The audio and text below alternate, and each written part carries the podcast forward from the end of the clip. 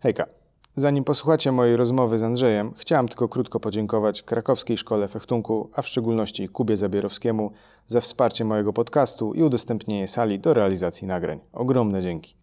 A teraz zapraszam już do wysłuchania nagrania.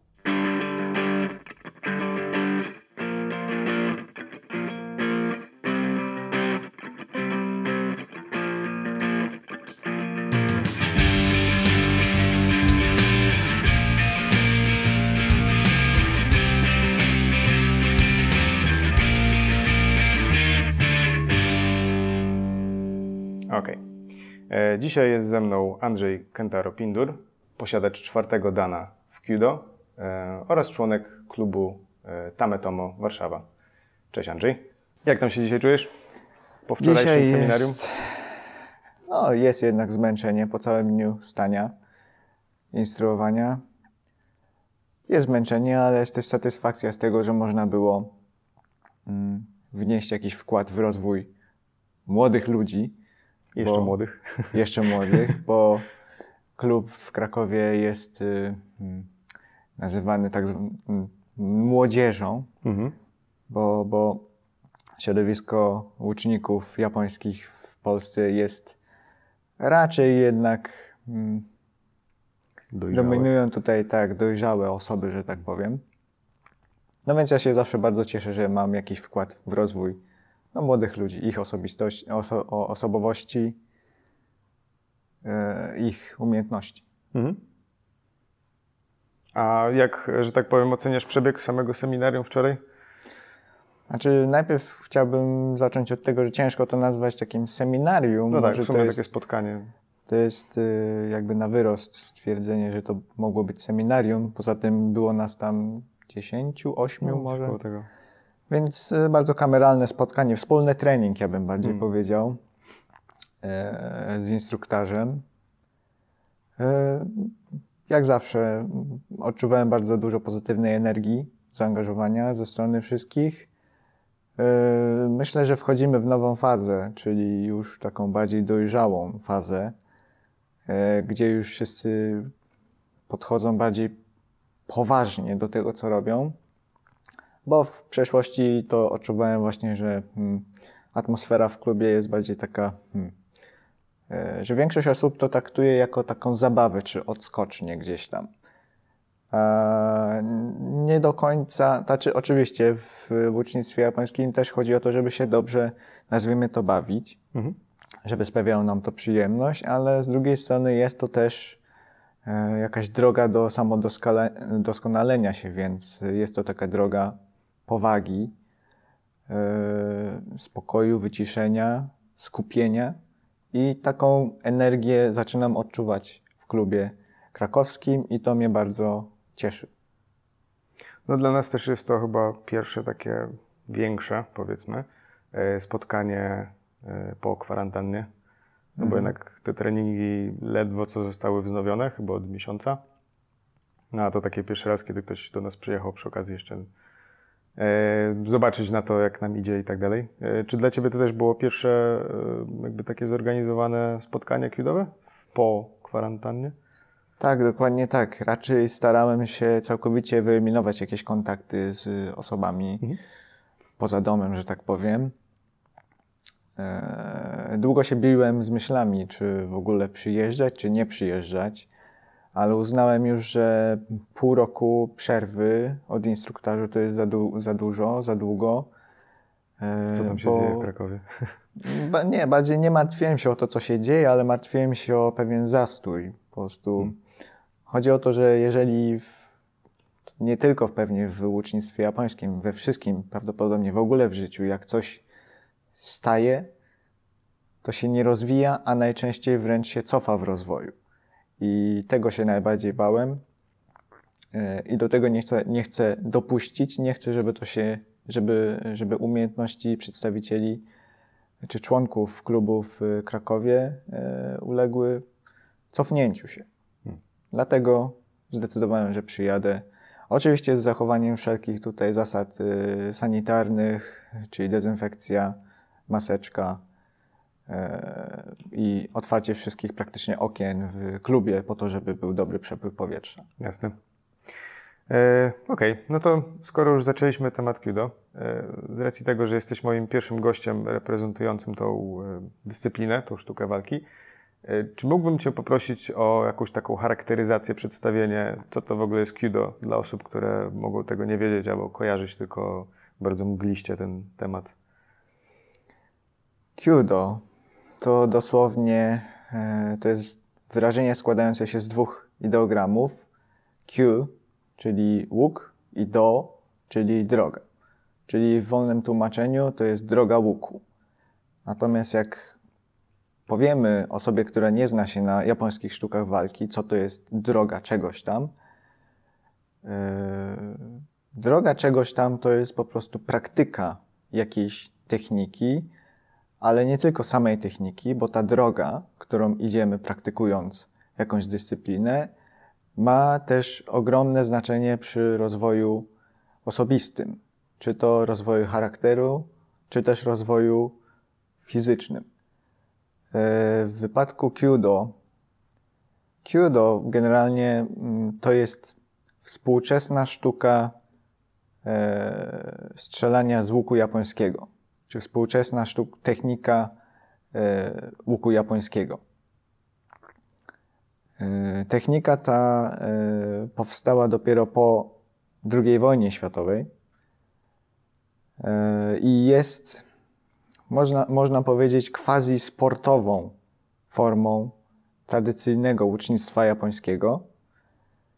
Czyli inaczej mówiąc, Kyudo, czyli współczesna sztuka łucznictwa japońskiego, to jest pewna forma, e, która wyewoluowała z różnych tradycyjnych, mhm. czyli istniejących od setek lat e, mm, technik bojowych zazwyczaj, ale nie tylko, sztuk łucznictwa japońskiego. Myślę, że nawet taki krótki wstęp już może wywrócić do góry nogami część pojęć na temat e, Kido, część ludzi, bo raz, że większość osób jakby z automatu zakłada, że skoro jest to japońska sztuka walki, to pewnie ma kilkasetek lat, a to jednak jest coś, co mm, powstało no, stosunkowo niedawno, bo nawet nie ma jednego wieku, e, zaraz po wojnie, a no, tak mówię, większość osób pewnie zakłada, że kilkasetek lat i tak dalej, i tak dalej, a cały mont polega na tym jednak, że to bazuje na, na tradycyjnych stylach, a jest stosunkowo współczesną rzeczą. E, no i to, co wspomniałeś, że jest quasi e, sportową rzeczą. E, no a jednak większość osób, jak e, nawet jak rozmawiam ze znajomymi łucznikami, czy tam zapytują mnie tam o kudo czy cokolwiek, to zawsze jest tak, e, no, no, tam medytacja z łukiem, że to jest super, tam można sobie po, jakby umysł może sobie odpocząć, tam, tam trafianie nie jest ważne i przeważnie mam wrażenie, że ludzie tak postrzegają. Czy to też jest trochę tak, że możemy kudo wrzucić, że tak powiem, do jednego koszyka z medytacją, zen i tak dalej, czy, czy nie bardzo? Generalnie myślę, że to, czy ktoś traktuje Kyudo jako medytację czy nie, czy cen, e, to jest już jego kwestia indywidualna. Nie chcę tutaj narzucać żadnych interpretacji. Mhm. Natomiast e, według mnie Kyudo oczywiście zawiera formy, e, czy też elementy, można to powiedzieć, jakiejś medytacji, czy raczej głębokiego skupienia, bym powiedział. Natomiast moim zdaniem wyrasta najpierw z techniki. E, mówiąc inaczej, jeżeli ktoś nigdy nie strzelał z łuku, no to ciężko mu jest na pierwszych zajęciach już wspomnieć. Znaczy, moim zdaniem nie ma sensu mówić na pierwszych zajęciach o tym, że o, to jest e, technika do, e, do medytacji, my bierzemy łuk do ręki i strzały, stajemy, wykonujemy procedurę strzelecką po to, żeby medytować. No bo mm, jakby nie tego. Nie tędy droga. Nie, nie, nie, dzień dobry. Nie, y, nowi uczestnicy nie przychodzą na Kudo właśnie. Znaczy, oczywiście są też tacy, którzy przychodzą na Kudo właśnie będąc e, zafascynowanym medytacją, czy w ogóle jakimś e, zetknięciem się z buddyzmem zen. Natomiast y, w przeważającej większości y, nowi uczestnicy, nowi e, adepci Kyudo przychodzą po to, żeby poznać tę sztukę, czyli sztukę strzelania z łuku japońskiego. Mhm. Czyli dla większości osób jednak e, przychodzą, bo jest fajny łuk i chcieliby się nauczyć z niego strzelać. A w zasadzie dopóki też nie nauczą się, że się tak wyrażę, obsługi tego łuku, to ciężko też byłoby nawet dodać ten element medytacji, bo jak skupi się na medytacji, kiedy strzała ciągle ci wypada z ręki, albo ciężko jest w ogóle napiąć łuk i wymaga to może nie nawet ogromu siły, ale jakby odpowiedniej pracy e, mięśni, żeby to właśnie nie było tak ciężkie. Nie?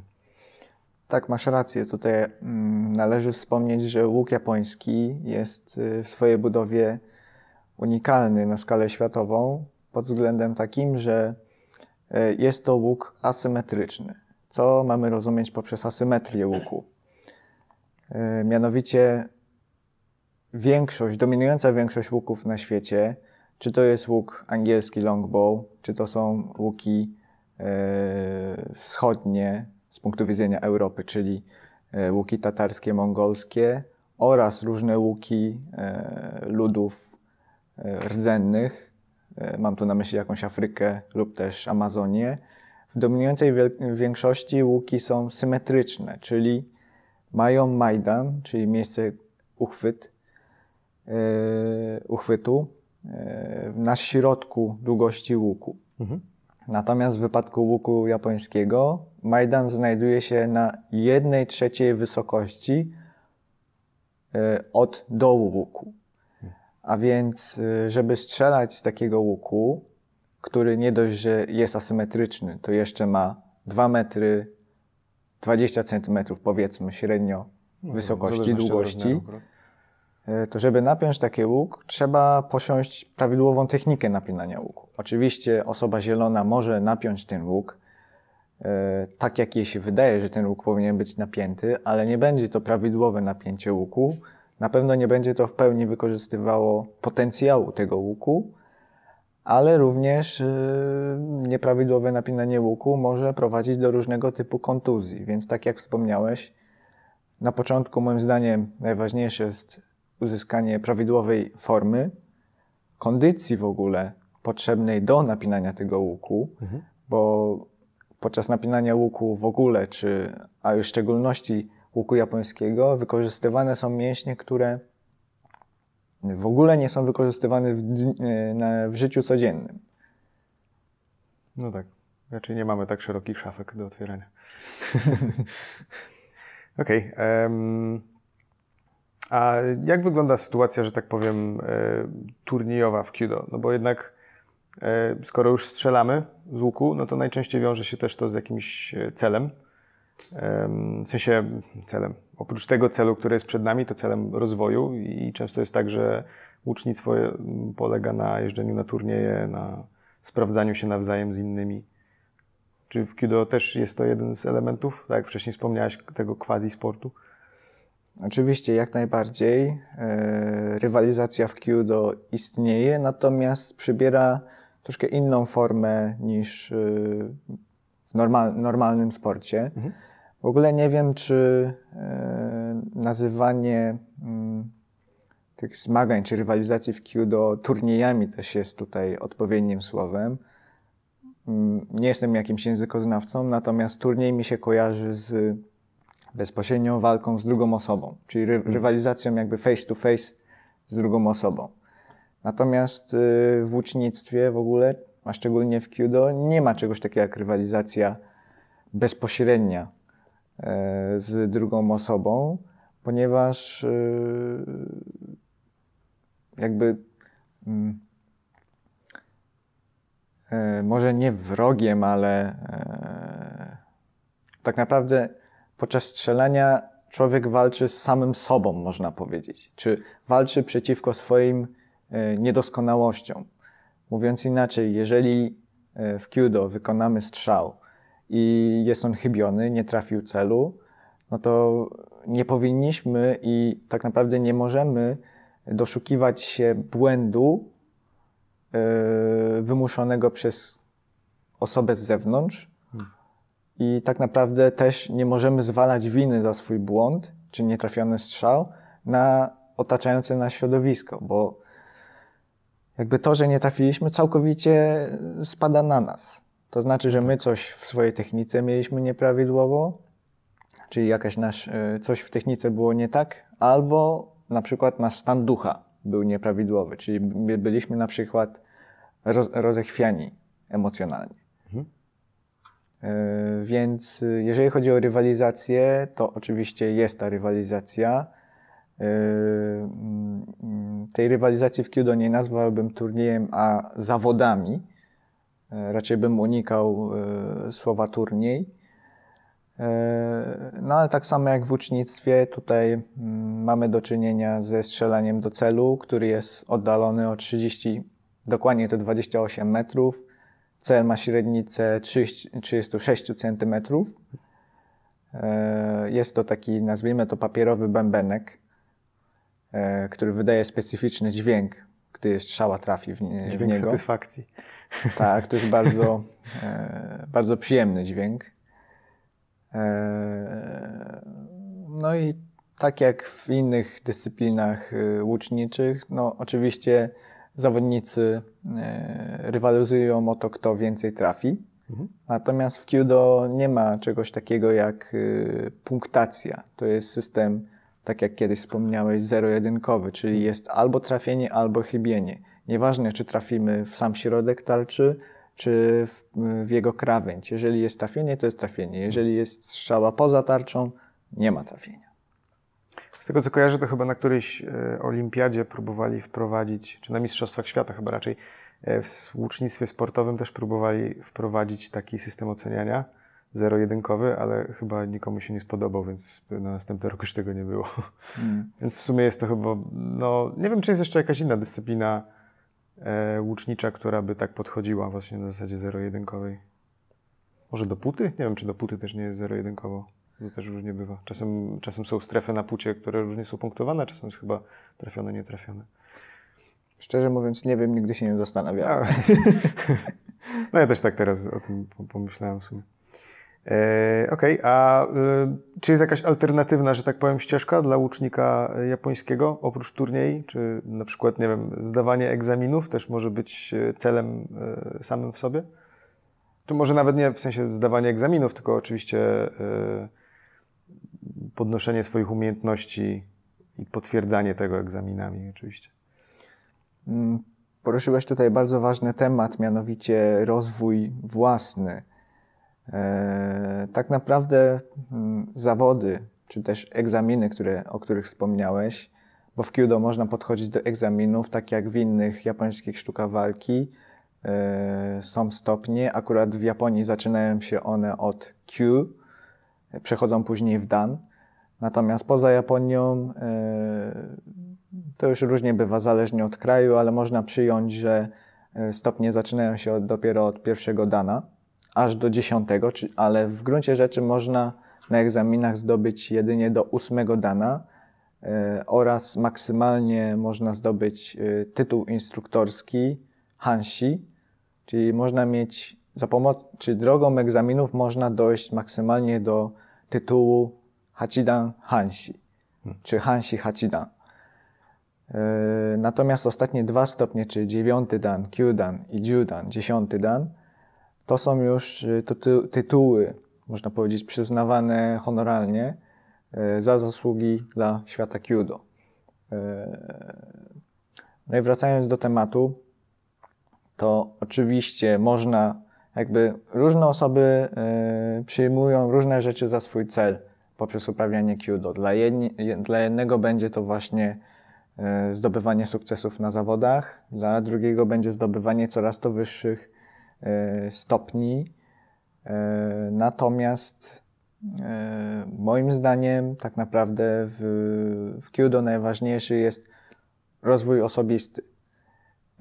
I tutaj turnieje, turnieje, zawody i egzaminy to są formy tak naprawdę potwierdzenia własnego rozwoju lub jego braku. Tak? I szczególnie tutaj egzaminy są E, na coraz to wyższe stopnie są mm, bardzo surowym miejscem, można powiedzieć, oceny, mhm. ponieważ y, oczywiście na poszczególne stopnie są różne wymogi, natomiast y, generalna forma się zbytnio nie zmienia, ponieważ pod, podczas każdego egzaminu yy, najpierw zaczyna się od wystrzelenia dwóch strzał. I oczywiście czym wyżej w stopniach, tym wymagania są wyższe, czyli ten strzał, który jest yy, yy, zaprezentowany, musi być czystszy, coraz czystszy, oczywiście musi być celny. Mhm. E, łucznik musi, musi oczywiście prezentować się schludnie, być prawidłowo ubrany, e, mieć prawidłowo zadbany sprzęt. Jest bardzo dużo warunków, które należy spełnić, natomiast z każdym coraz wyższym poziomem te wymagania rosną, więc e, dzięki, dzięki dokładnie tak, dzięki zwiększaniu wymagań też jeżeli jesteśmy w stanie sprostać tym wymaganiom, mhm. to znaczy, że się rozwijamy. Tak? I w ten sposób można potwierdzić swój rozwój lub jego brak. A warto też zauważyć, e, czy może wspomnieć, że um, zarówno sam egzamin, jak i generalnie jakby podstawowa forma e, treningu Kudo to też nie jest e, samo ustawienie się przed tarczą i oddanie tych dwóch strzałów, tylko e, cała ceremonia wejścia na strzelnicę, najczęściej w grupie pięcioosobowej, ustawienie się na linii całą drużyną, że tak powiem, oddawanie strzałów też w odpowiedniej choreografii względem innych członków drużyny, no i następnie odpowiednie wyjście ze strzelnicy. I cały ten proces jest zarówno oceniany, jak i, jak i trenowany na, na co dzień. Tak jest, dokładnie tak jak mówisz. E, z tym, że bardzo ciężko tutaj słowa ubrać, co podczas tego, e, tej nazwijmy to ceremonii jest przeprowadzane. Tak naprawdę tutaj e, słuchaczy bym raczej odsyłał do różnych filmików, które pokazują tę no tak, całą procedurę, bo najlepiej. po prostu jest, jest takie powiedzenie w japońskim Hyakuben wa ikken nishikazu, czyli 100, no to jest moje akurat wolne tłumaczenie teraz, 100, powiedzmy, że 100 artykułów, czyli przeczytanie 100 artykułów e, e, przekazuje mniej informacji niż jedno faktycznie zobaczenie czegoś. Mhm. Czyli jedno zdjęcie jest warte tysiąców. Można tak, no to jest dobry odpowiednik, bym powiedział. Tak. E, ale tak jak wspomniałeś, tak, jest przeprowadzane E, nazwijmy to taka e, ceremonia, która składa się oczywiście z wejścia, później przejście na jedną linię, zrobienie ukłonu czy wyrażenie szacunku do celu, później przejście na drugą linię, ustawienie się i każdy łucznik, tak jak wspomniałeś, w pięcioosobowej grupie wykonuje swoją procedurę zgodnie z zasadami E, później odbywa się strzał każdego z łuczników. Jak już wspomniałem, strzały są dwa. Następnie każdy łucznik po wykonaniu strzału schodzi w ustalony sposób e, z linii strzału, przechodzi do wyjścia. Podczas wyjścia również e, jest pewien ceremoniał, krótki ceremoniał wyjścia, który należy przeprowadzić. I dopiero po wykonaniu wszystkich tych czynności można powiedzieć, że łucznik zakończył e, całą procedurę strzelecką. I w ten sposób strzelamy dwa razy na 15 minut. 15 minut to może nie, bardziej bym powiedział 10 minut, no, okay. ale mimo wszystko to jest bardzo długo. Niedawno nie mierzyłem, ile nam to schodzi. Żeby, żeby, żeby forma był, znaczy inaczej, żeby mm, Wszystkie elementy zostały zachowane? Wszystkie elementy, tak, dokładnie zostały zachowane zgodnie z procedurą, zgodnie z e, wyznaczonymi e, zasadami. No to wejście, wyjście to jest powiedzmy po minucie czy półtorej. Jest tam jeszcze e, w tej procedurze około minuty, półtorej oczekiwania czy siedzenia w pozycji tak zwanej kiza, czyli powiedzmy, że klęczącej, tylko że z e, podniesionymi. E, siedząc na palcach. Siedząc na palcach, dokładnie. Ale w sumie sama, sam proces już strzelania stricte, żeby wystrzelić dwie strzały, to zajmuje to od 6 do 7,5 minut. Strzelają całą drużyną oczywiście. strzelają całą drużyną. Też tak. inaczej trochę by wyglądało, gdyby po prostu solo stanąć i oddać dwa strzały. A powiedziałbyś bardziej, że Kudo to dyscyplina indywidualna czy drużynowa? Bo Powiedziałbym, że w większości to jest dyscyplina indywidualna. Mhm. Sz- mm, Z tym, że jednak yy, są elementy, które wymagają od nas yy, pracy drużynowej, właśnie między innymi ta ceremonia wejścia i wyjścia, o której teraz rozmawialiśmy. Jeżeli w tej grupie, która wchodzi na salę, nie ma harmonii czy e, dobrego tempa w wejściu i wyjściu i wykonywaniu wszystkich czynności, no to będzie to zaburzać e, e, indywidualny tok wykonywania procedury strzeleckiej u pojedynczego łucznika. Więc, ale jeszcze należy wspomnieć, że oprócz zawodów indywidualnych są też zawody drużynowe, czy też grupowe. Mhm. Czyli e, w zawodach można brać udział jako, jako ja, ale można też brać udział jako na przykład e, członek jakiejś grupy, na przykład e, stowarzyszenia. No i oczywiście w takim wypadku, jeżeli bierzemy udział w turnieju drużynowym, to to, w jaki sposób wykonujemy całą ceremonię wejścia, wyjścia i też całą procedurę strzelecką, może bezpośrednio wpłynąć na wynik innych osób w naszej drużynie. No tak, możemy Mówiąc inaczej- albo pomagać. Tak, jeżeli, jeżeli nie będziemy wykonywać procedury w sposób harmoniczny z innymi, w dobrym tempie, to możemy, oczywiście nie powinno to się zdarzyć, bo każdy powinien jakby pilnować samego siebie, natomiast możemy w jakiś sposób zaburzyć em, strzał kogoś innego w grupie. To też e, sytuacja ma się podobnie na egzaminach, bo e, warto tutaj wspomnieć, że em, może na tych pierwszych stopniach jeszcze nie jest to aż tak kluczowe, ale, ale zdając na wyższe poziomy mistrzowskie, e, tak naprawdę em, powodzenie naszego egzaminu jest w dużym stopniu zależne też od całej, e, całej drużyny, bo jeśli ktoś w drużynie zrobi coś nie tak, no to tak naprawdę sypie się mm, prezentacja każdej indywidualnej osoby, nie? E, W tej kwestii powiem, że tak i nie. Aha, Okej. ponieważ e, oczywiście będąc w grupie nie powinniśmy skupiać się tylko na sobie, ale też powinniśmy zdawać sobie sprawę z tego, że ktoś jest przed nami, ktoś jest za nami, wykonuje procedurę. Wszyscy jesteśmy w tym razem. Natomiast jeżeli e, ktoś przed nami, w Kudo jest tak, że mm, mm, powiedzmy, że podążamy za osobą przed nami. E, Natomiast to nie jest tak, że my dostosowujemy się do tego, co robi osoba przed nami, tylko de facto wykonujemy własną procedurę w taki sposób, żeby była wykonywana w tym samym tempie i harmonijnie do tego, co robią inne osoby. Przed, czyli łucznik przed nami i łucznik za nami.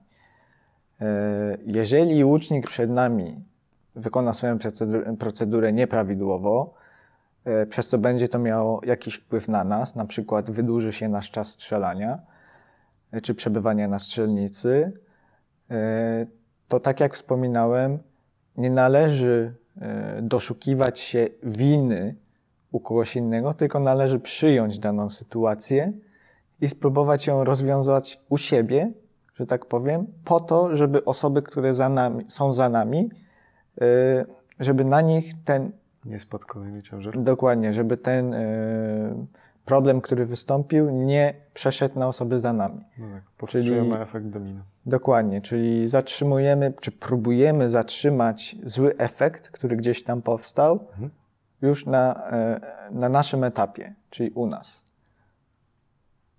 Więc odpowiadając na Twoje pytanie, tak, to jest e, dyscyplina grupowa, ale też jest indywidualna, bo od nas zależy, jak nasz własny strzał wyjdzie, ale też od nas zależy, jak może wyjść strzał innej osoby. Okej.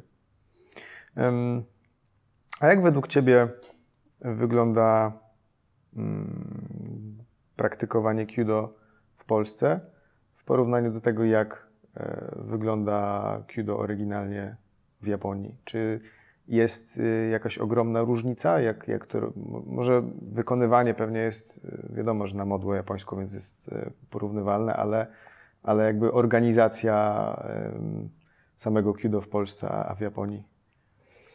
Wydaje mi się, że różnica jednak jest diametralnie różna. Mm, tu poruszyłeś bardzo głęboki temat, który spróbuję w miarę możliwości skondensować. Najpierw e, zacznijmy od tego, że e, Japonia jest e, krajem źródłowym Kyudo. Kolebką. Czy kolebką, dokładnie. Więc ciężko tutaj mm, porównywać tak naprawdę kolebkę z krajem, gdzie to się tak naprawdę dopiero co niedawno rozpoczęło. Mhm. Najpierw należy zacząć od tego, że Kyudo w Japonii można rozpocząć praktykę Kyudo już od gimnazjum, a niektóre indywidualne osoby zaczynają nawet od podstawówki. Mhm. W japońskich szkołach, w gimnazjach, liceach e, oraz uniwersytetach istnieją sekcje Kyudo, e, tak jak na przykład judo czy kendo, więc e, młodzież w Japonii ma dostęp do mm, treningów i możliwości rozwoju w tym kierunku już od y, młodych lat. Czyli to jest jakby taki e, sport narodowy? Tak jak u nas, nie wiem, siatkówka, piłka nożna, że są sekcje w szkole, gdzie można się zapisać, trenować? Coś, coś w tym stylu? Dokładnie, tak. Y, jako zajęcia dodatkowe lub nazwijmy to SKS-y, mhm. y, dzie dzieci, młodzież po prostu chodzi na zajęcia e, czy to lekcyjne, czy pozalekcyjne do sekcji, która istnieje w ich szkole. Hmm. E, więc jak już wspomniałem, mają kontakt z tym, e, młodzież w Japonii ma z tym kontakt już, czy może mieć kontakt już od y, młodych lat. Oczywiście w Polsce takiego, takich możliwości, takie możliwości są bardzo ograniczone lub ich często nie ma. W Polsce oczywiście Kyudo nie jest y, sportem narodowym zorganizowanym przez y, y, rząd, tak jak ma to miejsce w Japonii. Dlatego zazwyczaj praktykujący Kyudo to już są osoby powiedzmy dorosłe, albo zazwyczaj, nawet jeżeli to jest naj, naj, naj, najwcześniej wśród y, młodzieży polskiej ta praktyka zaczyna się dopiero w wieku licealnym. No, pojedyncze przypadki mieliśmy tylko młodsze tutaj w Krakowie na przykład. Większość osób to faktycznie liceum albo jakieś e, pierwsze roczniki studiów. Hmm. Więc mówiąc inaczej, e, organizacje polskie, które zrzeszają uczniów japońskich, mm, oferują swoje nauki, powiedzmy, nie tylko osobom dorosłym, ale tak naprawdę każdemu, kto by był zainteresowany ucznictwem japońskim, nieważne czy jest w wieku y, inaczej. Oczywiście, jeżeli chodzi o uprawianie kyudo, czy w ogóle ucznictwa, to y, rekomenduje się, żeby ta praktyka rozpoczęła się dopiero po ustabilizowaniu, czy mm, po osiągnięciu pełnego rozwoju kośćca. E, bo oczywiście jest to dyscyplina, która obciąża e, układ kostny, szczególnie tutaj w obręczy barkowej, ale nie tylko. E, więc ja osobiście bym rekomendował rozpoczynanie praktyki dopiero w gimnazjum. W nielicznych przypadkach można by było też myśleć o rozpoczęciu praktyki w szkole podstawowej. Natomiast wracając do tematu, to tak, wszyscy mogą praktykować Kyudo. E, teoretycznie bez względu na wiek, czy to jest osoba 15-letnia, czy 70-letnia. Oczywiście warunki e, oraz e, szybkość postępu w naukach będzie się różniła zależnie od wieku. Jasne. Natomiast można powiedzieć, że Kyudo jest dyscypliną, jeżeli jest instruktor, który zna się na tym, że jest to dyscyplina bezpieczna dla wszystkich. Mhm. No tak, zawsze można zaczynać chociażby od Gomuyumi, które nie ma dużego naciągu, więc, więc też te obciążenia są znacznie mniejsze.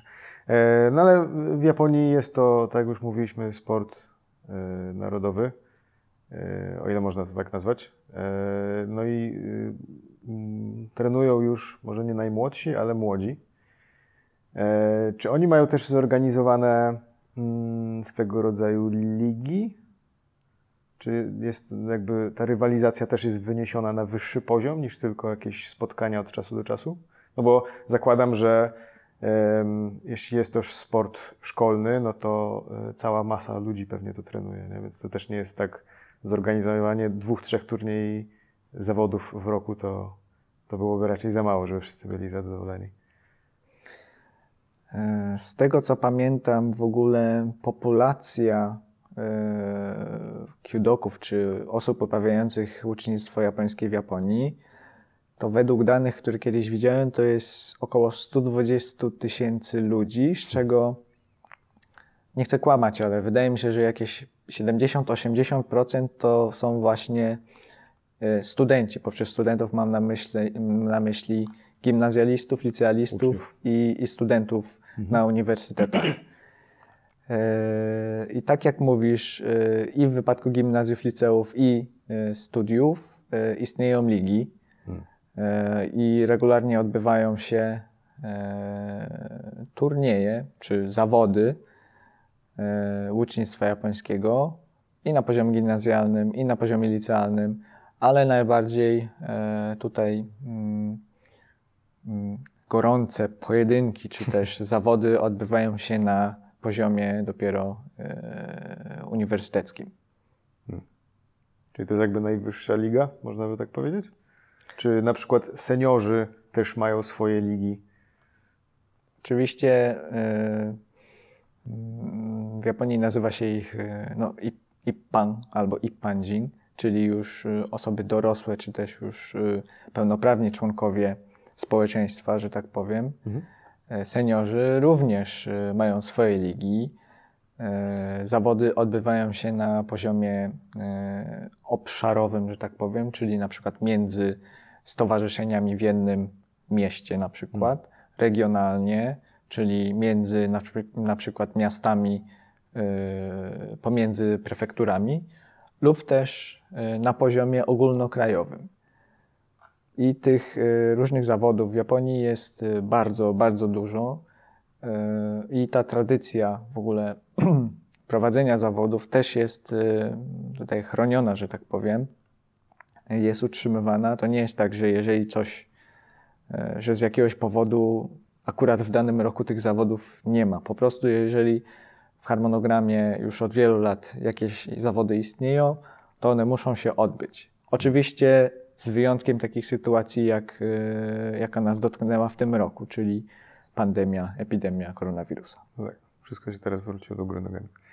Um, czyli y, można, jeśli wspomniałeś, że są jakby ogólnokrajowe mm, zawody, czyli można powiedzieć, że są swego rodzaju mistrzostwa Japonii w Kyudo? Tak, tak. Są y, zawody ogólnojapońskie. Zenkoku Kyudo Taikai, czyli ogólnojapońskie zawody Kyudo. Mhm. E, szczerze mówiąc, tutaj jakichś szczegółów nie znam, natomiast oczywiście są najpierw e, e, zawody, znaczy żeby dojść do w ogóle zawodów ogólnojapońskich trzeba wygrać w zawodach obszarowych, później regionalnych i tak dalej, mhm. więc w zawodach ogólnojapońskich spotyka się naprawdę, można powiedzieć, śmietanka mhm. ucznictwa japońskiego. Okej. Okay. Kojarzysz może jakichś zawodników? Czy jest tak na przykład, że nie wiem, jest jakiś dominator, że tak powiem, kategorii i on zawsze wygrywa, czy raczej się wymieniają dość, dość często zawodnicy? Mm, zawodnicy raczej się wymieniają. Mhm. E... Powiedziałbym, że każdy z nas, czy każdy z łuczników, ale też w ogóle w życiu codziennym wszyscy mamy momenty wzlotów i upadków. Mhm. I tak samo jest y, w Kyudo, w ucznictwie japońskim. Bardzo ciężko jest utrzymać tak naprawdę wysoką kondycję y, i umiejętności w ciągły sposób, więc y, tak samo w zawodach ogólnojapońskich, jak i regionalnych raczej dochodzi do wymiany tutaj tych najlepszych zawodników. Natomiast jak już ktoś osiągnie ten poziom, mhm. powiedzmy, że zdobył pierwsze, drugie, może trzecie miejsce w Japonii czy też w regionie, to znaczy, że już po prostu ten poziom osiągnął. Nie zawsze może ten poziom będzie w stanie zaprezentować, natomiast y, na pewno po odpowiedniej praktyce czy przygotowaniu będzie mógł osiągnąć taki sam poziom, jak osiągnął kiedyś lub podobny. Hmm. Czyli kwestia formy dobrego dnia. Tak jak we wszystkim podejrzewam, praktyka czyni mistrza. Wiadomo.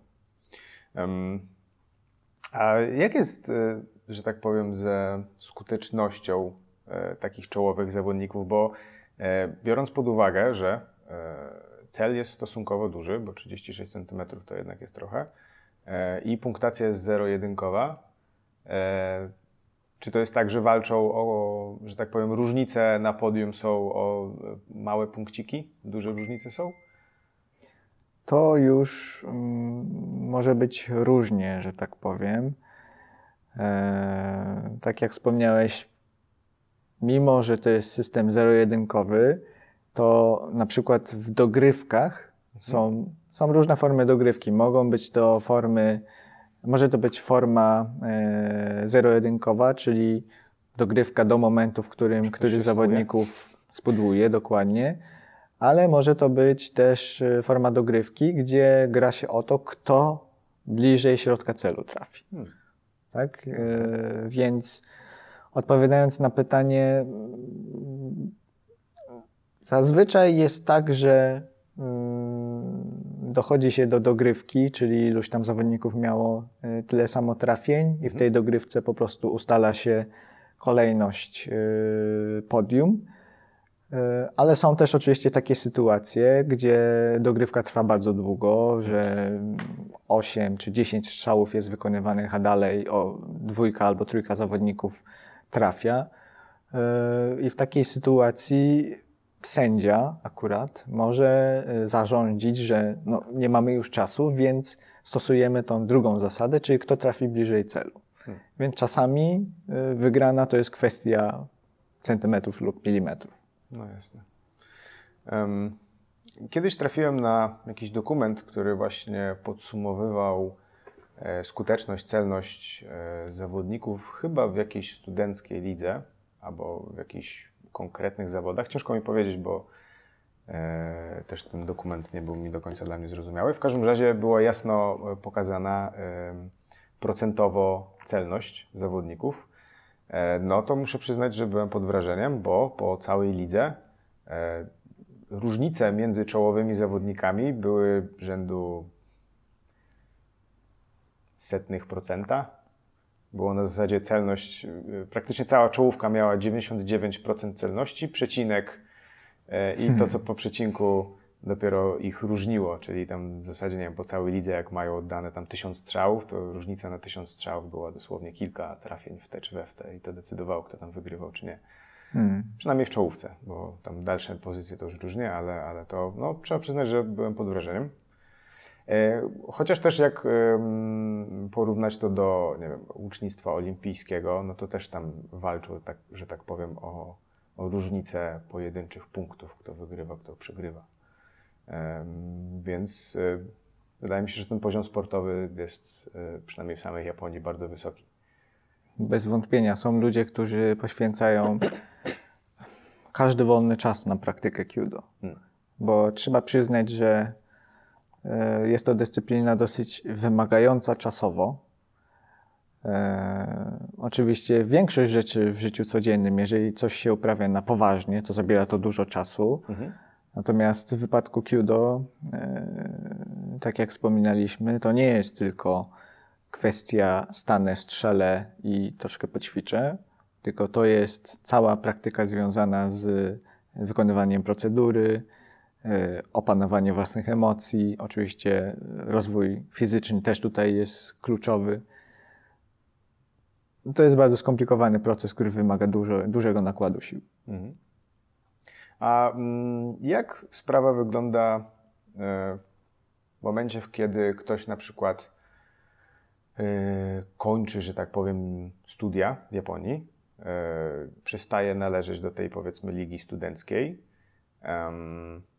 czy wtedy dalej większość z nich kontynuuje w ogóle swoją karierę Kyudo, czy na przykład przestają praktykować Kyudo w sposób, że się tak wyrażę, sportowy, a przechodzą bardziej w tą stronę tradycyjnego Kyudo? Bo też spotkałem się z takimi opiniami, że um, Judo w Japonii można podzielić właśnie na takie dwa światy. Na ten świat bardziej sportowy, młodzieżowy, gdzie e, celem trenowania jest robienie dziurek w mato. E, natomiast e, ten drugi świat to są już trochę może bardziej jak w Polsce, czyli to judo tradycyjne, gdzie ludzie starsi przychodzą i ich celem już może drugorzędnym, czy gdzieś tam którymś z kolei jest trafianie do celu, a ważniejsze staje się jednak ten e, kwestia bardziej po stronie sztuki walki, czyli to jak wyglądają, jak wykonują ten ceremoniał, jak e, mogą e, wyciągnąć z tej sztuki jak najwięcej dla siebie samych, dla swojego charakteru. Czy, czy, czy w Japonii też to troszkę tak wygląda po, po zakończeniu powiedzmy tej kariery? Myślę, że poruszyłeś tutaj bardzo głęboki temat y, tego, czy judo jest bardziej sportem, czy jakąś tam dyscypliną tradycyjną łucznic, e, łucznictwa. E, najpierw odpowiadając Ci na pierwsze pytanie.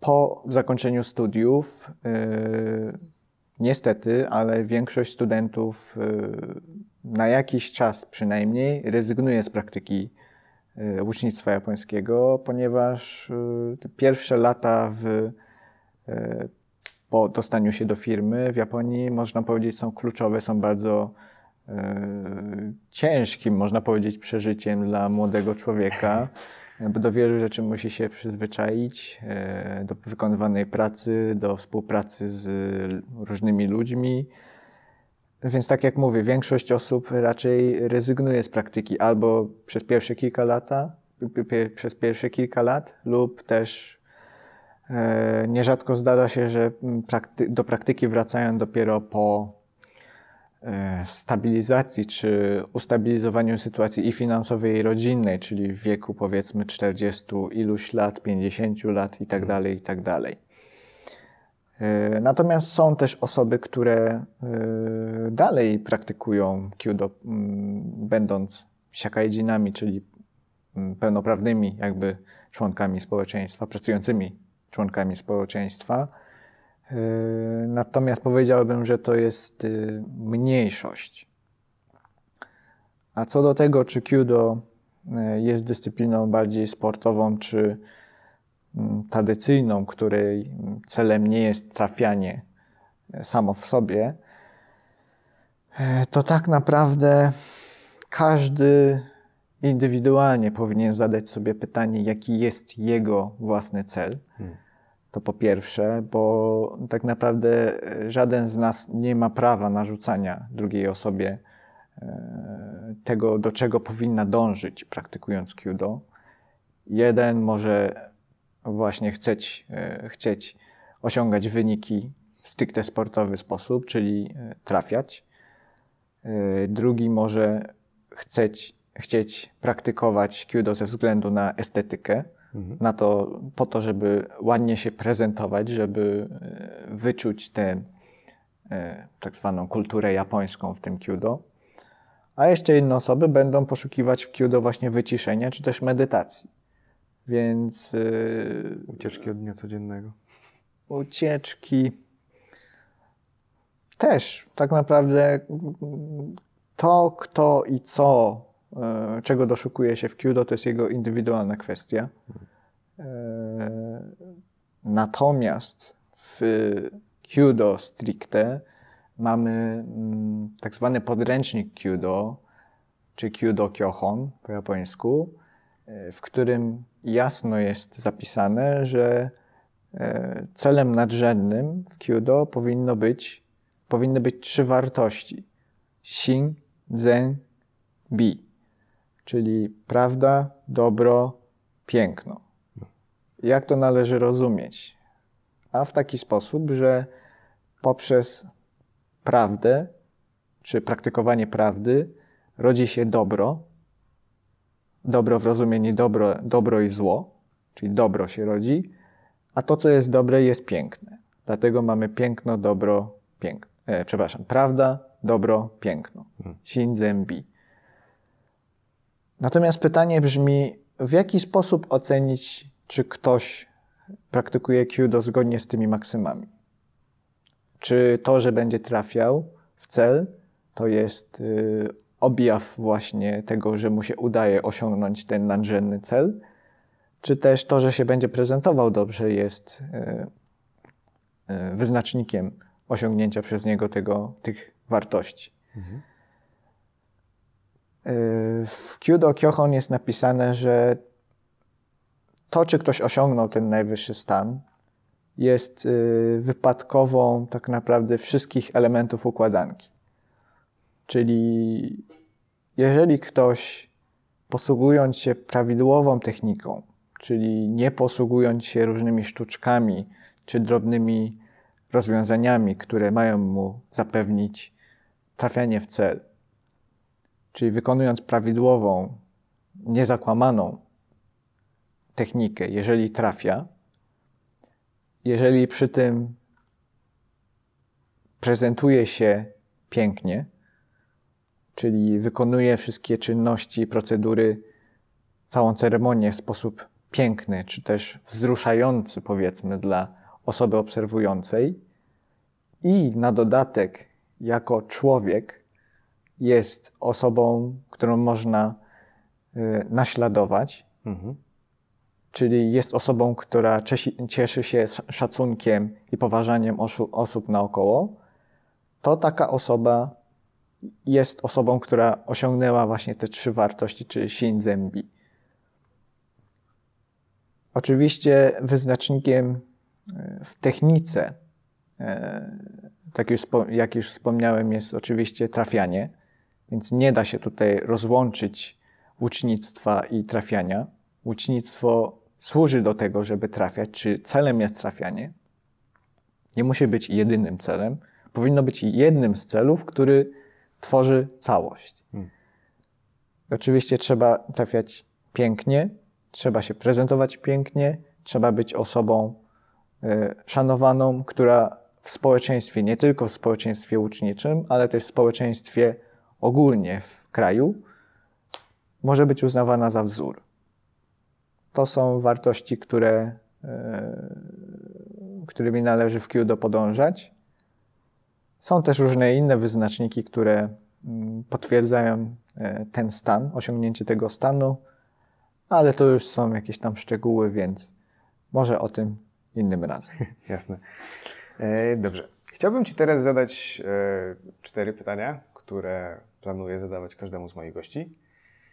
E, oczywiście odpowiednio je dostosowując do dyscypliny, którą e, prezentują. Częściowo na każde z tych pytań już po trochę odpowiedzieliśmy, ale może teraz uda się to jakoś trochę złączyć do kupy. E, pierwsze pytanie.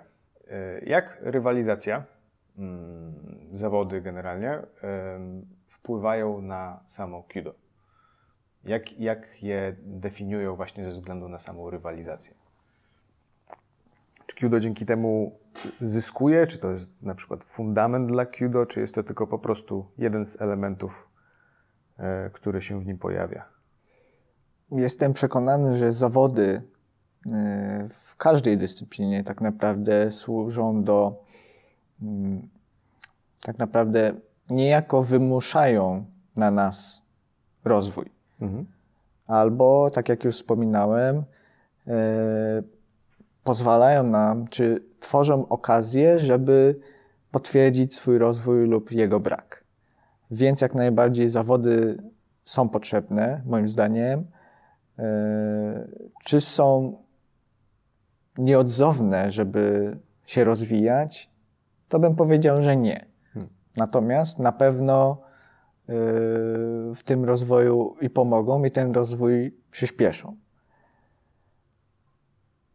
Bo to też jest tak, że jakby mam wrażenie, że zawody e, dodają kolejną płaszczyznę do rozwoju, bo jakby nie patrzeć, e, łucznictwo akurat e, ma ten plus czy minus, że jakby przy każdym strzale weryfikuje Twoją skuteczność, no bo nawet na treningu strzelając, najczęściej mamy przed sobą ten cel i staramy się do tego celu trafić, więc już nawet na treningu widzimy, jak nam idzie.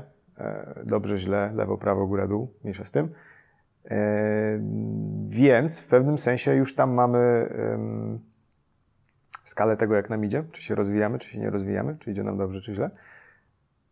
E, natomiast e, na zawodach, teoretycznie, robiąc to samo, e, dochodzi nam sam fakt, że są to do zawody, dochodzi nam stresik, presja tego, żeby albo strzelić jak najlepiej, żeby pokonać samego siebie, czy też nie zejść niżej z naszymi wynikami, bo to też kwestia taka, że jak już komuś dobrze idzie, to dochodzi presja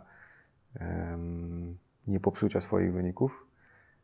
Więc e, myślę, że to też e, przede wszystkim jest właśnie ten dodatkowy poziom e, psychiczny, który do tego dochodzi, bo jakby sama czynność strzelania no, jest identyczna na sali treningowej, jak i, jak i na zawodach. Konkurencje nie są, że tak powiem, inne. Nikt nam nie przeszkadza, że tak powiem, w strzelaniu i tak dalej, i tak dalej. Oprócz nas samych, tego, co się dzieje w naszych głowach. Też tak, tak jak, uważasz? Tak jak tutaj użyłeś bardzo, myślę, trafnego słowa płaszczyzna. Mhm. Kido ma różne płaszczyzny. Fizyczną, e, duchową, mentalną, e, czy też powiedzmy sprzętową. Mhm, mhm. E, są różne aspekty, które składają się na, czy są różne zmienne, można by było powiedzieć, które składają się na wynik. No i tak jak wspomniałeś, jeżeli podczas treningu jesteśmy w stanie zweryfikować skuteczność swojego strzału, inne aspekty, czy jesteśmy piękni, czy wykonujemy prawidłową procedurę i tak dalej, to już zazwyczaj ocena tego już spada na osobę e, stojącą obok zazwyczaj, bo nie jesteśmy w stanie wszystkiego sami zobaczyć, no bo nie jesteśmy w stanie ciągle patrzeć na siebie z perspektywy trzeciej osoby, no że tak powiem. Dużo e, luster by to wymagało. Oczywiście można postawić lustro, ale mimo wszystko nie jesteśmy w stanie ciągle na siebie patrzeć, prawda? E, natomiast tak jak wspomniałeś, tutaj podczas e, zawodów jesteśmy wystawieni na czynniki, które, na czynniki, też na emocje, których nie odczuwamy w zazwyczaj normalnej praktyce. Mhm. Czyli tak jak wspomniałeś, stres, czy też napięcie, e, jakaś obawa przed e, porażką. Z takimi właśnie uczuciami e, trzeba się mierzyć. No i w momencie, kiedy udaje nam się te uczucia Ciężko tutaj znaleźć e, właściwe słowo, bo nie chodzi o opanowanie tak naprawdę tych uczuć, moim zdaniem, tylko chodzi o nauczenie się życia z nimi. Hmm. Bo opanowanie, op, słowo opanowanie kojarzy nam się z kontrolą, że my kontrolujemy swoje uczucia. A to nie do końca chodzi o to, żeby kontrolować swoje uczucia, bo uczucia zawsze Przyjdą tak jakieś, jakieś będą uczucia, tak? One będą się pojawiać. Oczywiście możemy całkowicie próbować wyeliminować powstawanie tychże uczuć, to też jest pewna forma praktyki. Y, natomiast w wypadku Kudo, w wypadku zawodów, wydaje mi się, że bardziej umiejętność wyciszenia się i skupienia się całkowitego na jakimś zadaniu, w tym wypadku strza wykonania strzału, to jest właśnie ta płaszczyzna mentalna, którą możemy rozwijać głównie tylko wtedy, kiedy jesteśmy na zawodach. Czy jesteśmy wystawieni na jakąś ocenę, na mhm. przykład podczas egzaminu. No tak.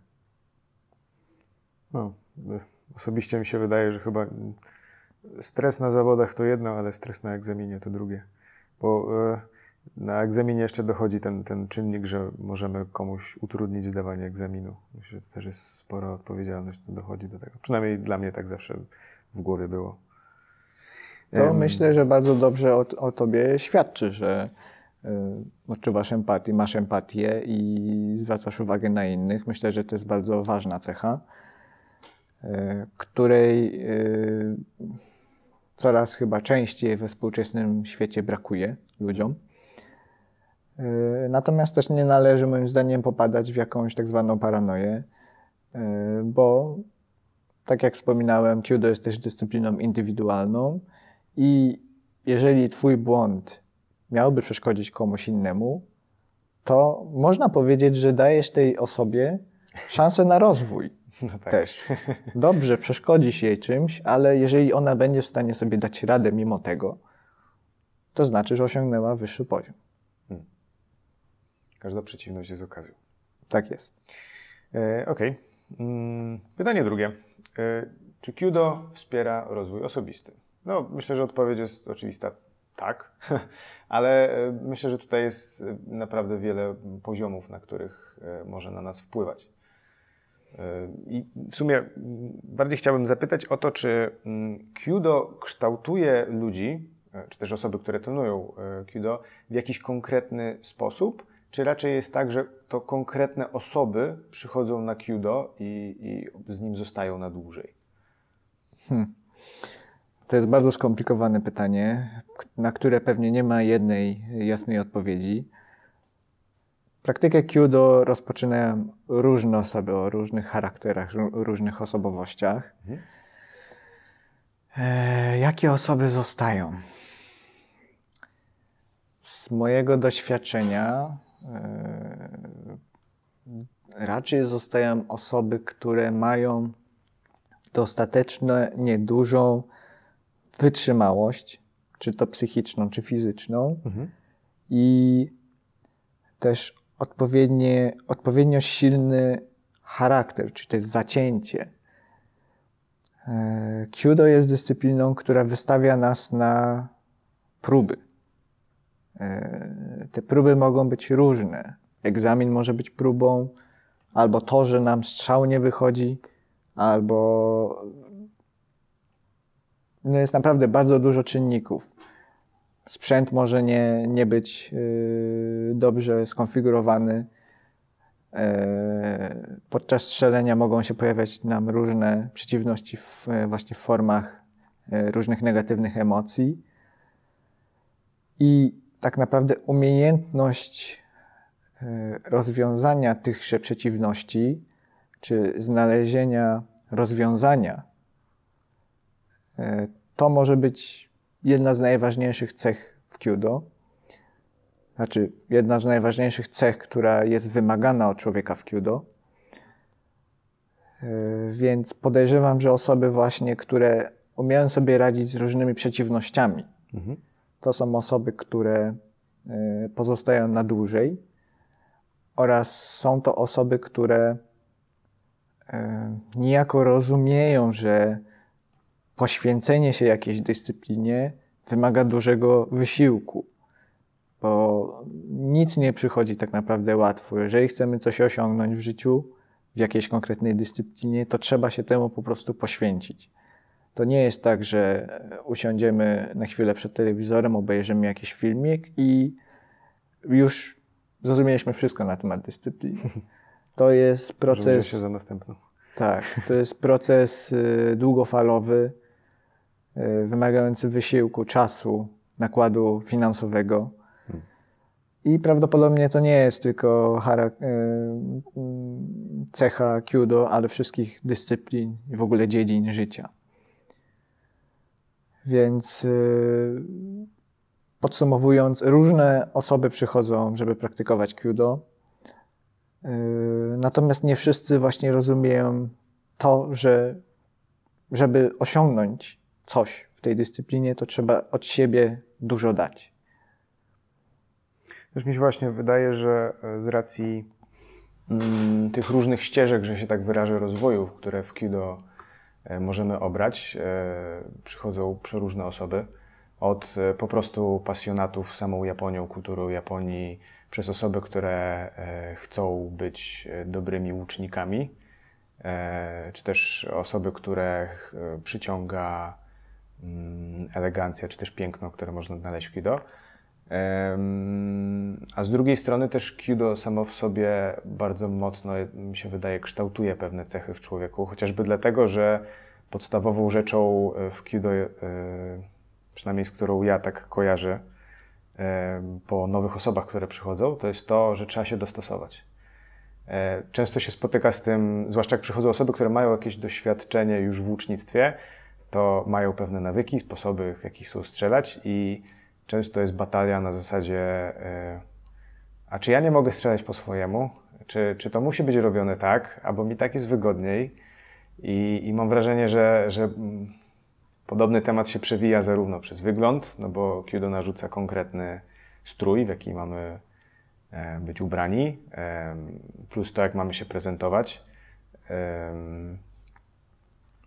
to, jak mamy się zachowywać. Bardzo konkretnie jest opisane, jak mamy się poruszać na strzelnicy, jak mamy, wiadomo, siadać, wstawać, strzelać. Każdy element jest dokładnie opisany i to wymaga na nas no, wpasowania się w tą rolę.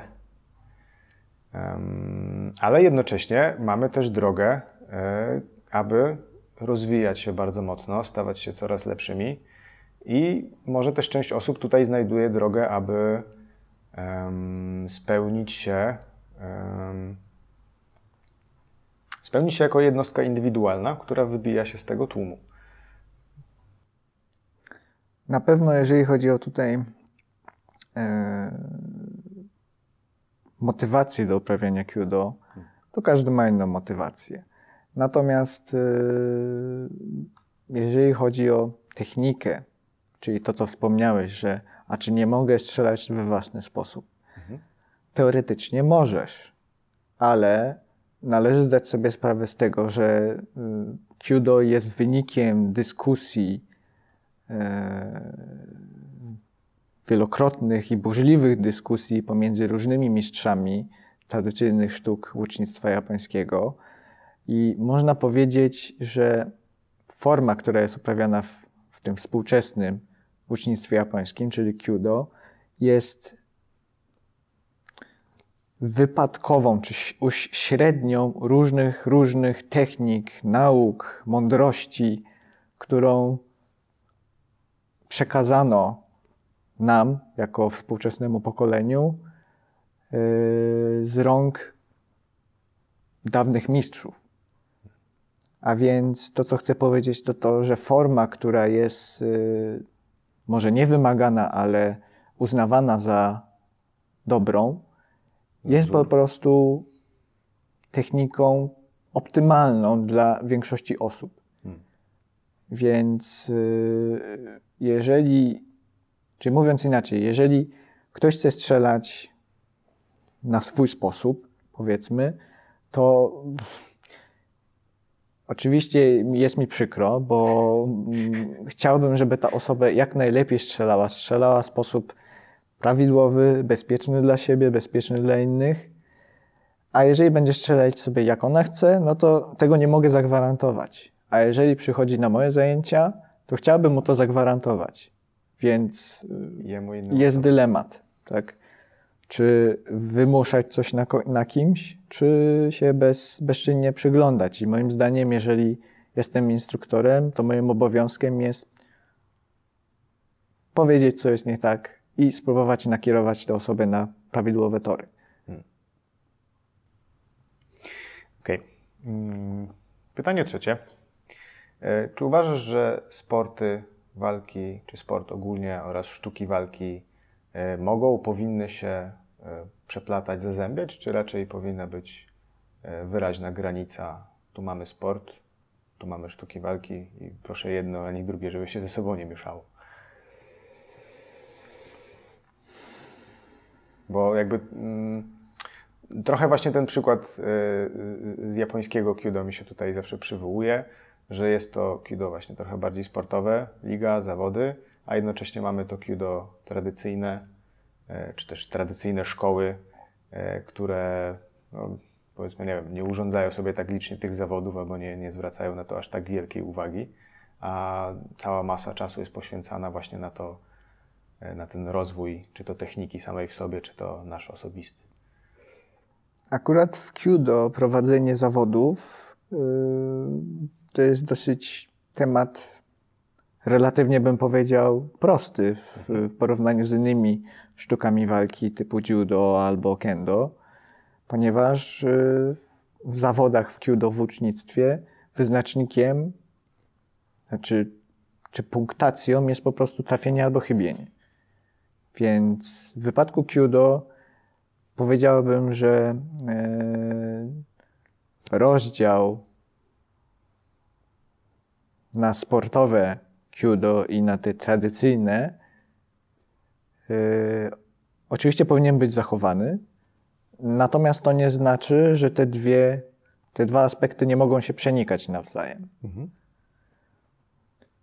E, natomiast też chciałbym, żeby mm, nie było takiej sytuacji, że e, są jakieś zawody i każdy strzela sobie w tych zawodach we własnej technice, w własnej formie. To jest bardzo głęboki temat, można by było o tym bardzo długo mówić. Musiałbym bardzo długo mówić, żeby słuchacz to e, bardzo dokładnie zrozumiał. E, natomiast są różne, tak jak już wspominaliśmy, są różne tradycyjne szkoły ucznictwa japońskiego i jest ta współczesna forma ucznictwa japońskiego. Można powiedzieć, że ta współczesna forma ucznictwa japońskiego to jest taki wspólny język, e, za pomocą którego wszystkie szkoły się ze sobą komunikują. Co mam na myśli? E, te, ta ceremonia, o której przed chwilą rozmawialiśmy, wejście, wyjście, oddanie strzału, się różni, może nie jakoś diametralnie, ale wyraźnie pomiędzy tymi tradycyjnymi szkołami. Więc jeżeli członkowie tych tradycyjnych szkół, czy człon- osoby, które uprawiają te tradycyjne szkoły, yy, te osoby z różnych szkół zbiorą się w jednej sali i Yy, no i zadecydują o tym, że, yy, że zorganizują turniej, no to będzie to tak zwany misz, miszmasz. Mhm, mhm. Czyli każdy będzie yy, podchodził do linii strzału i wykonywał strzał na własny sposób. No i moim zdaniem to jest najkrótsza droga do różnego typu walk między stylami. szkołami, stylami a to przecież nie o to chodzi. Ale ponieważ tym wszystkim istnieje czynnik ludzki i wszystkie grzechy ludzkie typu zazdrość, e, duma i tak dalej, to do takich walk prawdopodobnie będzie dochodzić. I żeby tego uniknąć, myślę, że należy się posługiwać w tym wspólnym, w tej wspólnej przestrzeni stylem który reprezentuje e, współczesne Kyudo. Ja lubię go nazywać stylem uniwersalnym. Więc e, czy, czy sport powinien przenikać się z tą tradycją? Może, może, ale pod pewnymi zasadami, które bezwzględnie powinny być przestrzegane. Hmm. Ale też chciałbym powiedzieć, że sport, czyli rywalizacja, zawody powinny znajdować się y, w harmonogramie y, różnych szkół, czy w ogóle ucznictwa tradycyjnego japońskiego i ucznictwa współczesnego japońskiego, po to, żeby dawać okazję do sprawdzenia własnych umiejętności, własnego stanu ducha. Ja osobiście uważam, że łucznictwo jest tutaj świetnym przykładem e, na to połączenie sportu, czy tej czystej skuteczności właśnie ze sztukami walki, które e, skupiają się na e, może bardziej na, na prezencji, na wyglądzie, na, na rozwoju osobistym, ze względu na to, że mm, stosunkowo łatwo zobaczyć, kto poświęca bardzo dużo czasu na to, jak wygląda jego strzał i gdzie ta strzała potem leci, bo często się, znaczy często, spotyka się osoby, które przepięknie wyglądają, mają e, ładną formę, ale strzała leci w coś tam, gdzieś tam, bo nie wiem, nie chciało im się, nie chcą poświęcić czasu, czy nie uważają to za ważne, aby poświęcić też trochę czasu na to, żeby ta strzała jednak poleciała tam, gdzie trzeba. E, no i oczywiście sytuacja odwrotna. Mamy osoby, które e, strzelają raz za razem w środeczek, a wyglądają, no nie powiedzmy, że jak osoba początkująca, pomimo długiego doświadczenia. I wydaje mi się, że, że, że tutaj właśnie jest duże pole do, do łączenia tego, że można poświęcić czas zarówno na to, jak człowiek się prezentuje, rozwinąć się w tą stronę, jak i w to, żeby ta strzała jednak leciała tam, gdzie byśmy chcieli. Tutaj w sumie poruszyłeś pewnie nieświadomie, hmm, znaczy poprzez swoją wypowiedź poruszyłeś we mnie e, taki temat, hmm, którym jest ocena drugiej osoby. Hmm. Czy należy oceniać drugą osobę w Kyudo i w ogóle w dyscyplinach? No to jest coś naturalnego, że oceniamy to, jak ktoś wykonuje jakąś czynność.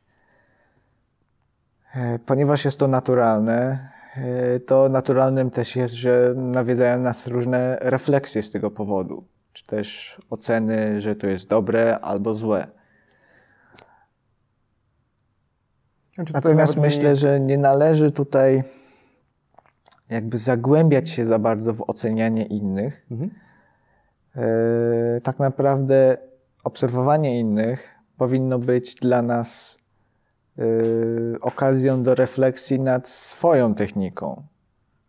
Tak? Niekoniecznie powinniśmy doszukiwać się i krytykować błędów u innych, natomiast jeżeli zauważymy jakieś błędy u innych, to powinniśmy sprawdzić, czy sami nie popełniamy tego samego błędu. Więc Jasne. nawet obserwacja podczas treningu czy podczas zawodów, y, czy to współzawodników, czy też y, seniorów E, osób, które uprawiają tę sztukę dłużej niż my, to też jest e, bardzo dobra okazja do nauki. Znaczy tutaj nie chodziło mi o to, że jakby to jak ktoś wygląda powinno być powodem, żeby łączyć te dwa elementy, tylko że jakby e, łucznictwo daje nam grunt, żeby płynnie łączyć zarówno tą skuteczność, jak i z tym, jak rozwijamy swoją postawę, prezencję i tak dalej. Hmm. No, tak jak wspominałem, jeżeli ktoś chce, chce uprawiać kudo hmm. i chce móc z pełnym przekonaniem mówić, że uprawia kudo, to powinien zdać sobie sprawę z tych trzech wartości, o których mówiłem, shinzembi, i starać się do tych wartości dążyć. Hmm. A jak już wspominałem, to nie jest tylko dążenie do, jednej, do jednego aspektu, czyli perfekcyjnej techniki lub też perfekcyjnego wyglądu, tylko to jest tak naprawdę połączenie obu czynników. Ok. Pytanie czwarte. E, jakie było pierwotne zastosowanie dla łucznictwa? No i jak to się ma do tego, co robimy obecnie w Kudo? No to tutaj w sumie przechodzimy do e, części naszej rozmowy którą można by było zatytułować Opowiedz mi Andrzeju o. e, bo w, oczywiście cel powstania łucznictwa na początku, no to, to było polowanie, e, prawda? To było uzyskanie pożywienia. E, w historii łucznictwa japońskiego e, akurat takim punktem mm, czy kamieniem milowym w rozwoju ucznictwa był koniec okresu Yayoi, początek okresu Kofun, czyli to jest powiedzmy koniec, okolice trzeciego wieku naszej ery w Japonii, e, gdy pojawiły się groty wykonane z brązu, co świadczy o tym, że nastąpił rozwój technologiczny, a poprzez rozwój technologiczny walki plemienne o władzę. Więc można powiedzieć, że okolice III wieku naszej ery to jest początek łucznictwa e, na cele wojenne czy tam zbrojne w Japonii. Więc w tym momencie można powiedzieć, że ten cel łucznictwa uległ zmianie. Chociaż oczywiście dalej łucznictwo było wykorzystywane do polowań.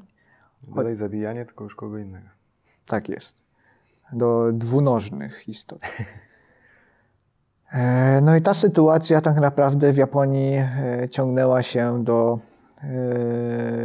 XVI wieku, w którym to na wyspę Tanegashima w Japonii można powiedzieć, że przybyła broń palna. Więc od tego XVI wieku już zbrojna bojowa, bojowy charakter łucznictwa w Japonii można powiedzieć, że zaczął zanikać czy słabnąć. Łuk japoński dalej istniał w kulturze i łucznictwo było praktykowane, natomiast coraz bardziej klasa wojowników, czyli samurajów, których wszyscy, wszyscy, o których wszyscy wiemy, e, rozpoczęła, znaczy praktyka łucznictwa u samurajów zaczynała przybierać coraz to bardziej e, na znaczeniu w celu rozwoju właśnie osobowego samuraja. Już nie, ty, nie tylko chodziło o to, żeby być skutecznym w trafianiu, czyli pokonaniu przeciwnika, zabiciu e, przeciwnika, ale łucznictwo miało na celu rozwinięcie innych wartości w nas. Czyli ten bezpośredni, praktyczny element schodzi już na dalszy plan. Tak, dokładnie tak.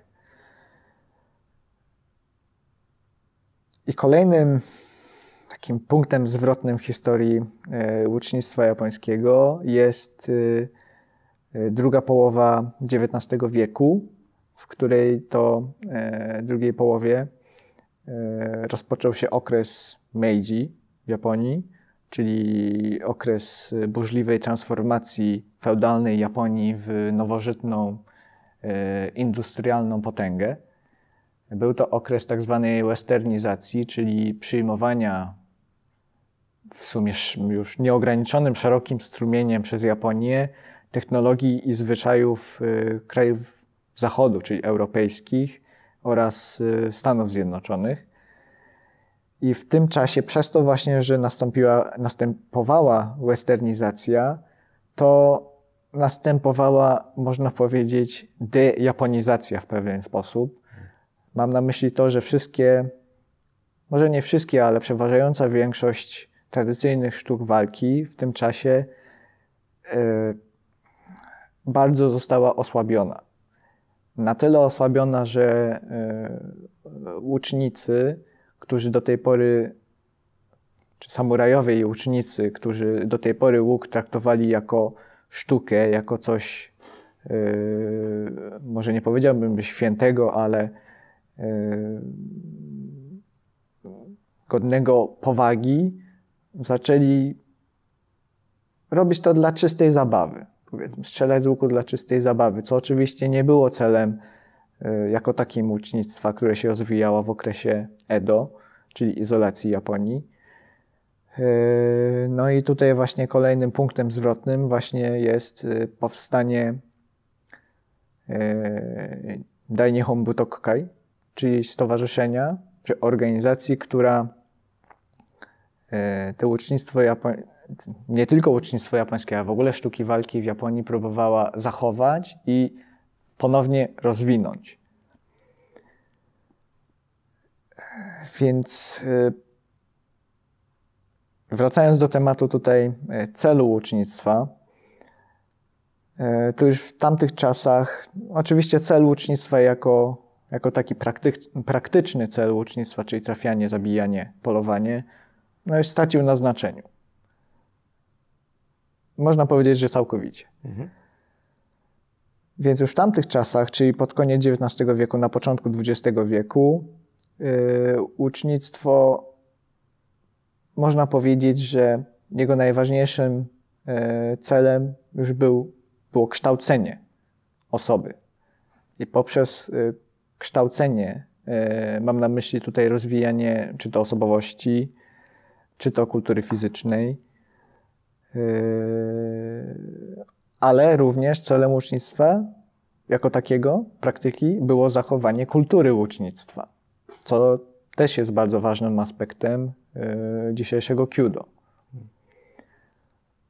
I można powiedzieć, że od tamtych czasów już cel ucznictwa yy, japońskiego raczej nie uległ zmianie, przy czym, że po II wojnie światowej łucznictwo japońskie nabrało troszkę innego znaczenia. Może nie nazwałbym tego celu, tylko troszkę inną formę praktyki, czyli formę sportową. No tak, trafiło do szkół.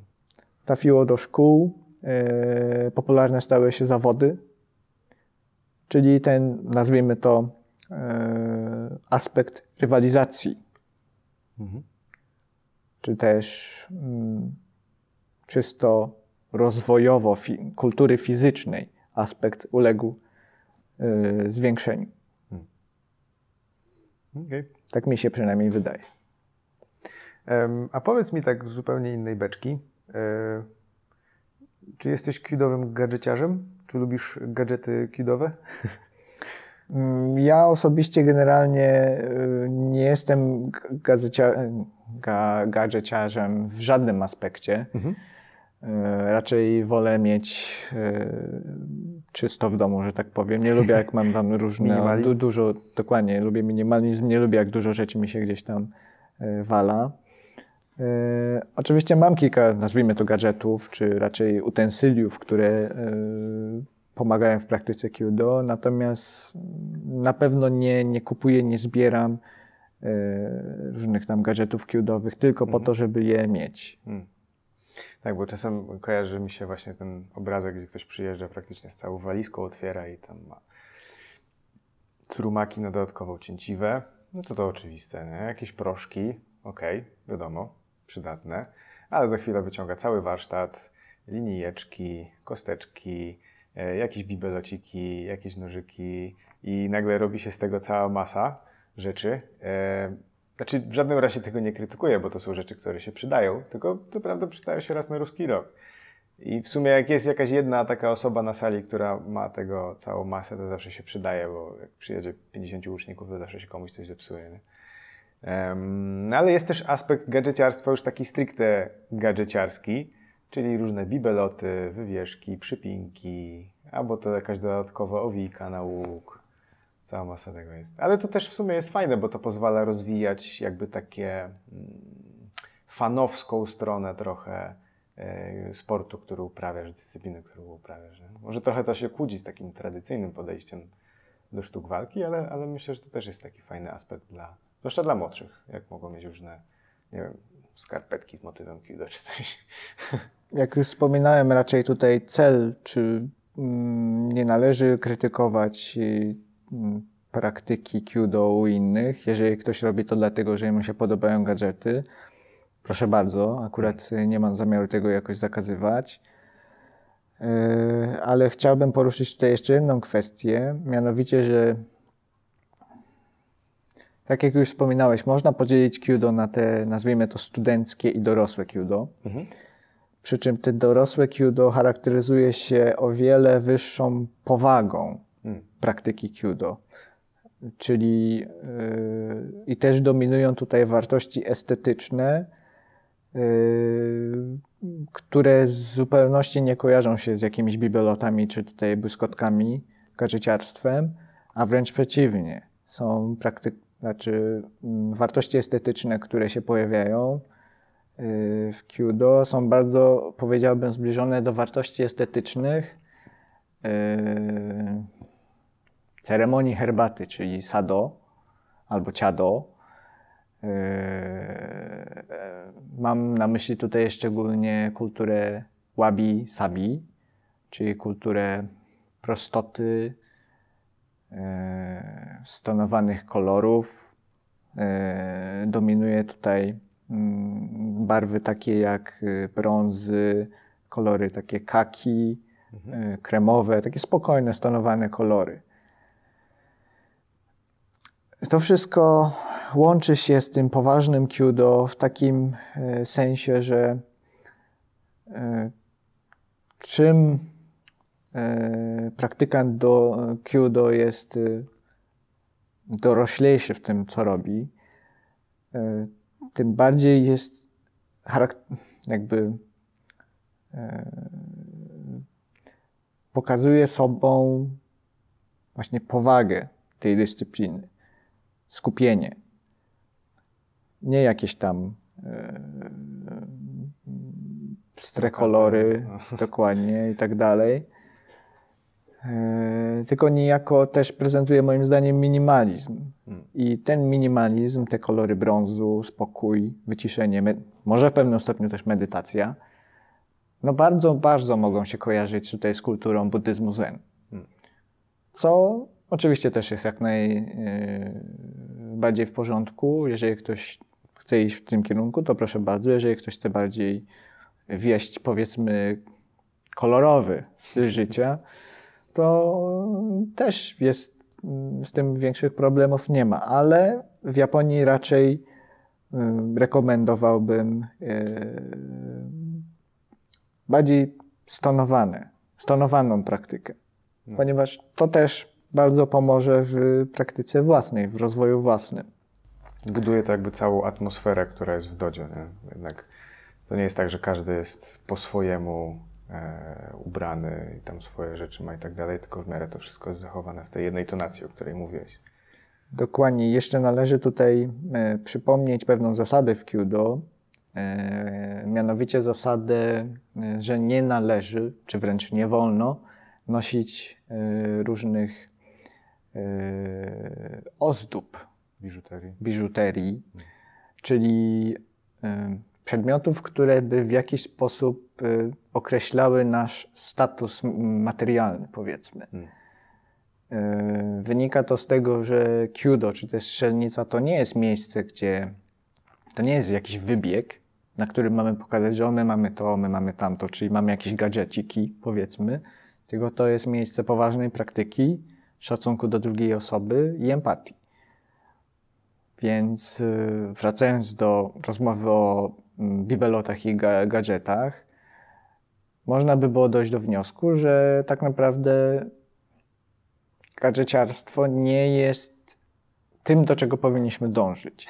Znaczy inaczej, jeżeli chcemy zbierać gadżety, proszę bardzo, ale nie chwalmy się nimi, nie wciskajmy ich w twarz, że tak powiem, innym osobom. Tak? To jest jakby nasza, nasza zabawa, a strzelnica to jest miejsce praktyki, miejsce publiczne w pewien sposób. A wszyscy powinniśmy te miejsce publiczne szanować i wszystkim innym uczestnikom zapewnić równy i sprawiedliwy dostęp do tego miejsca. No, to jest właśnie też to dostosowanie się, o którym wcześniej mówiłem. E, przyszło mi jeszcze do głowy jedno pytanie na koniec, bo wspominaliśmy wcześniej o tym, e, o polowaniu z łukiem i tak dalej.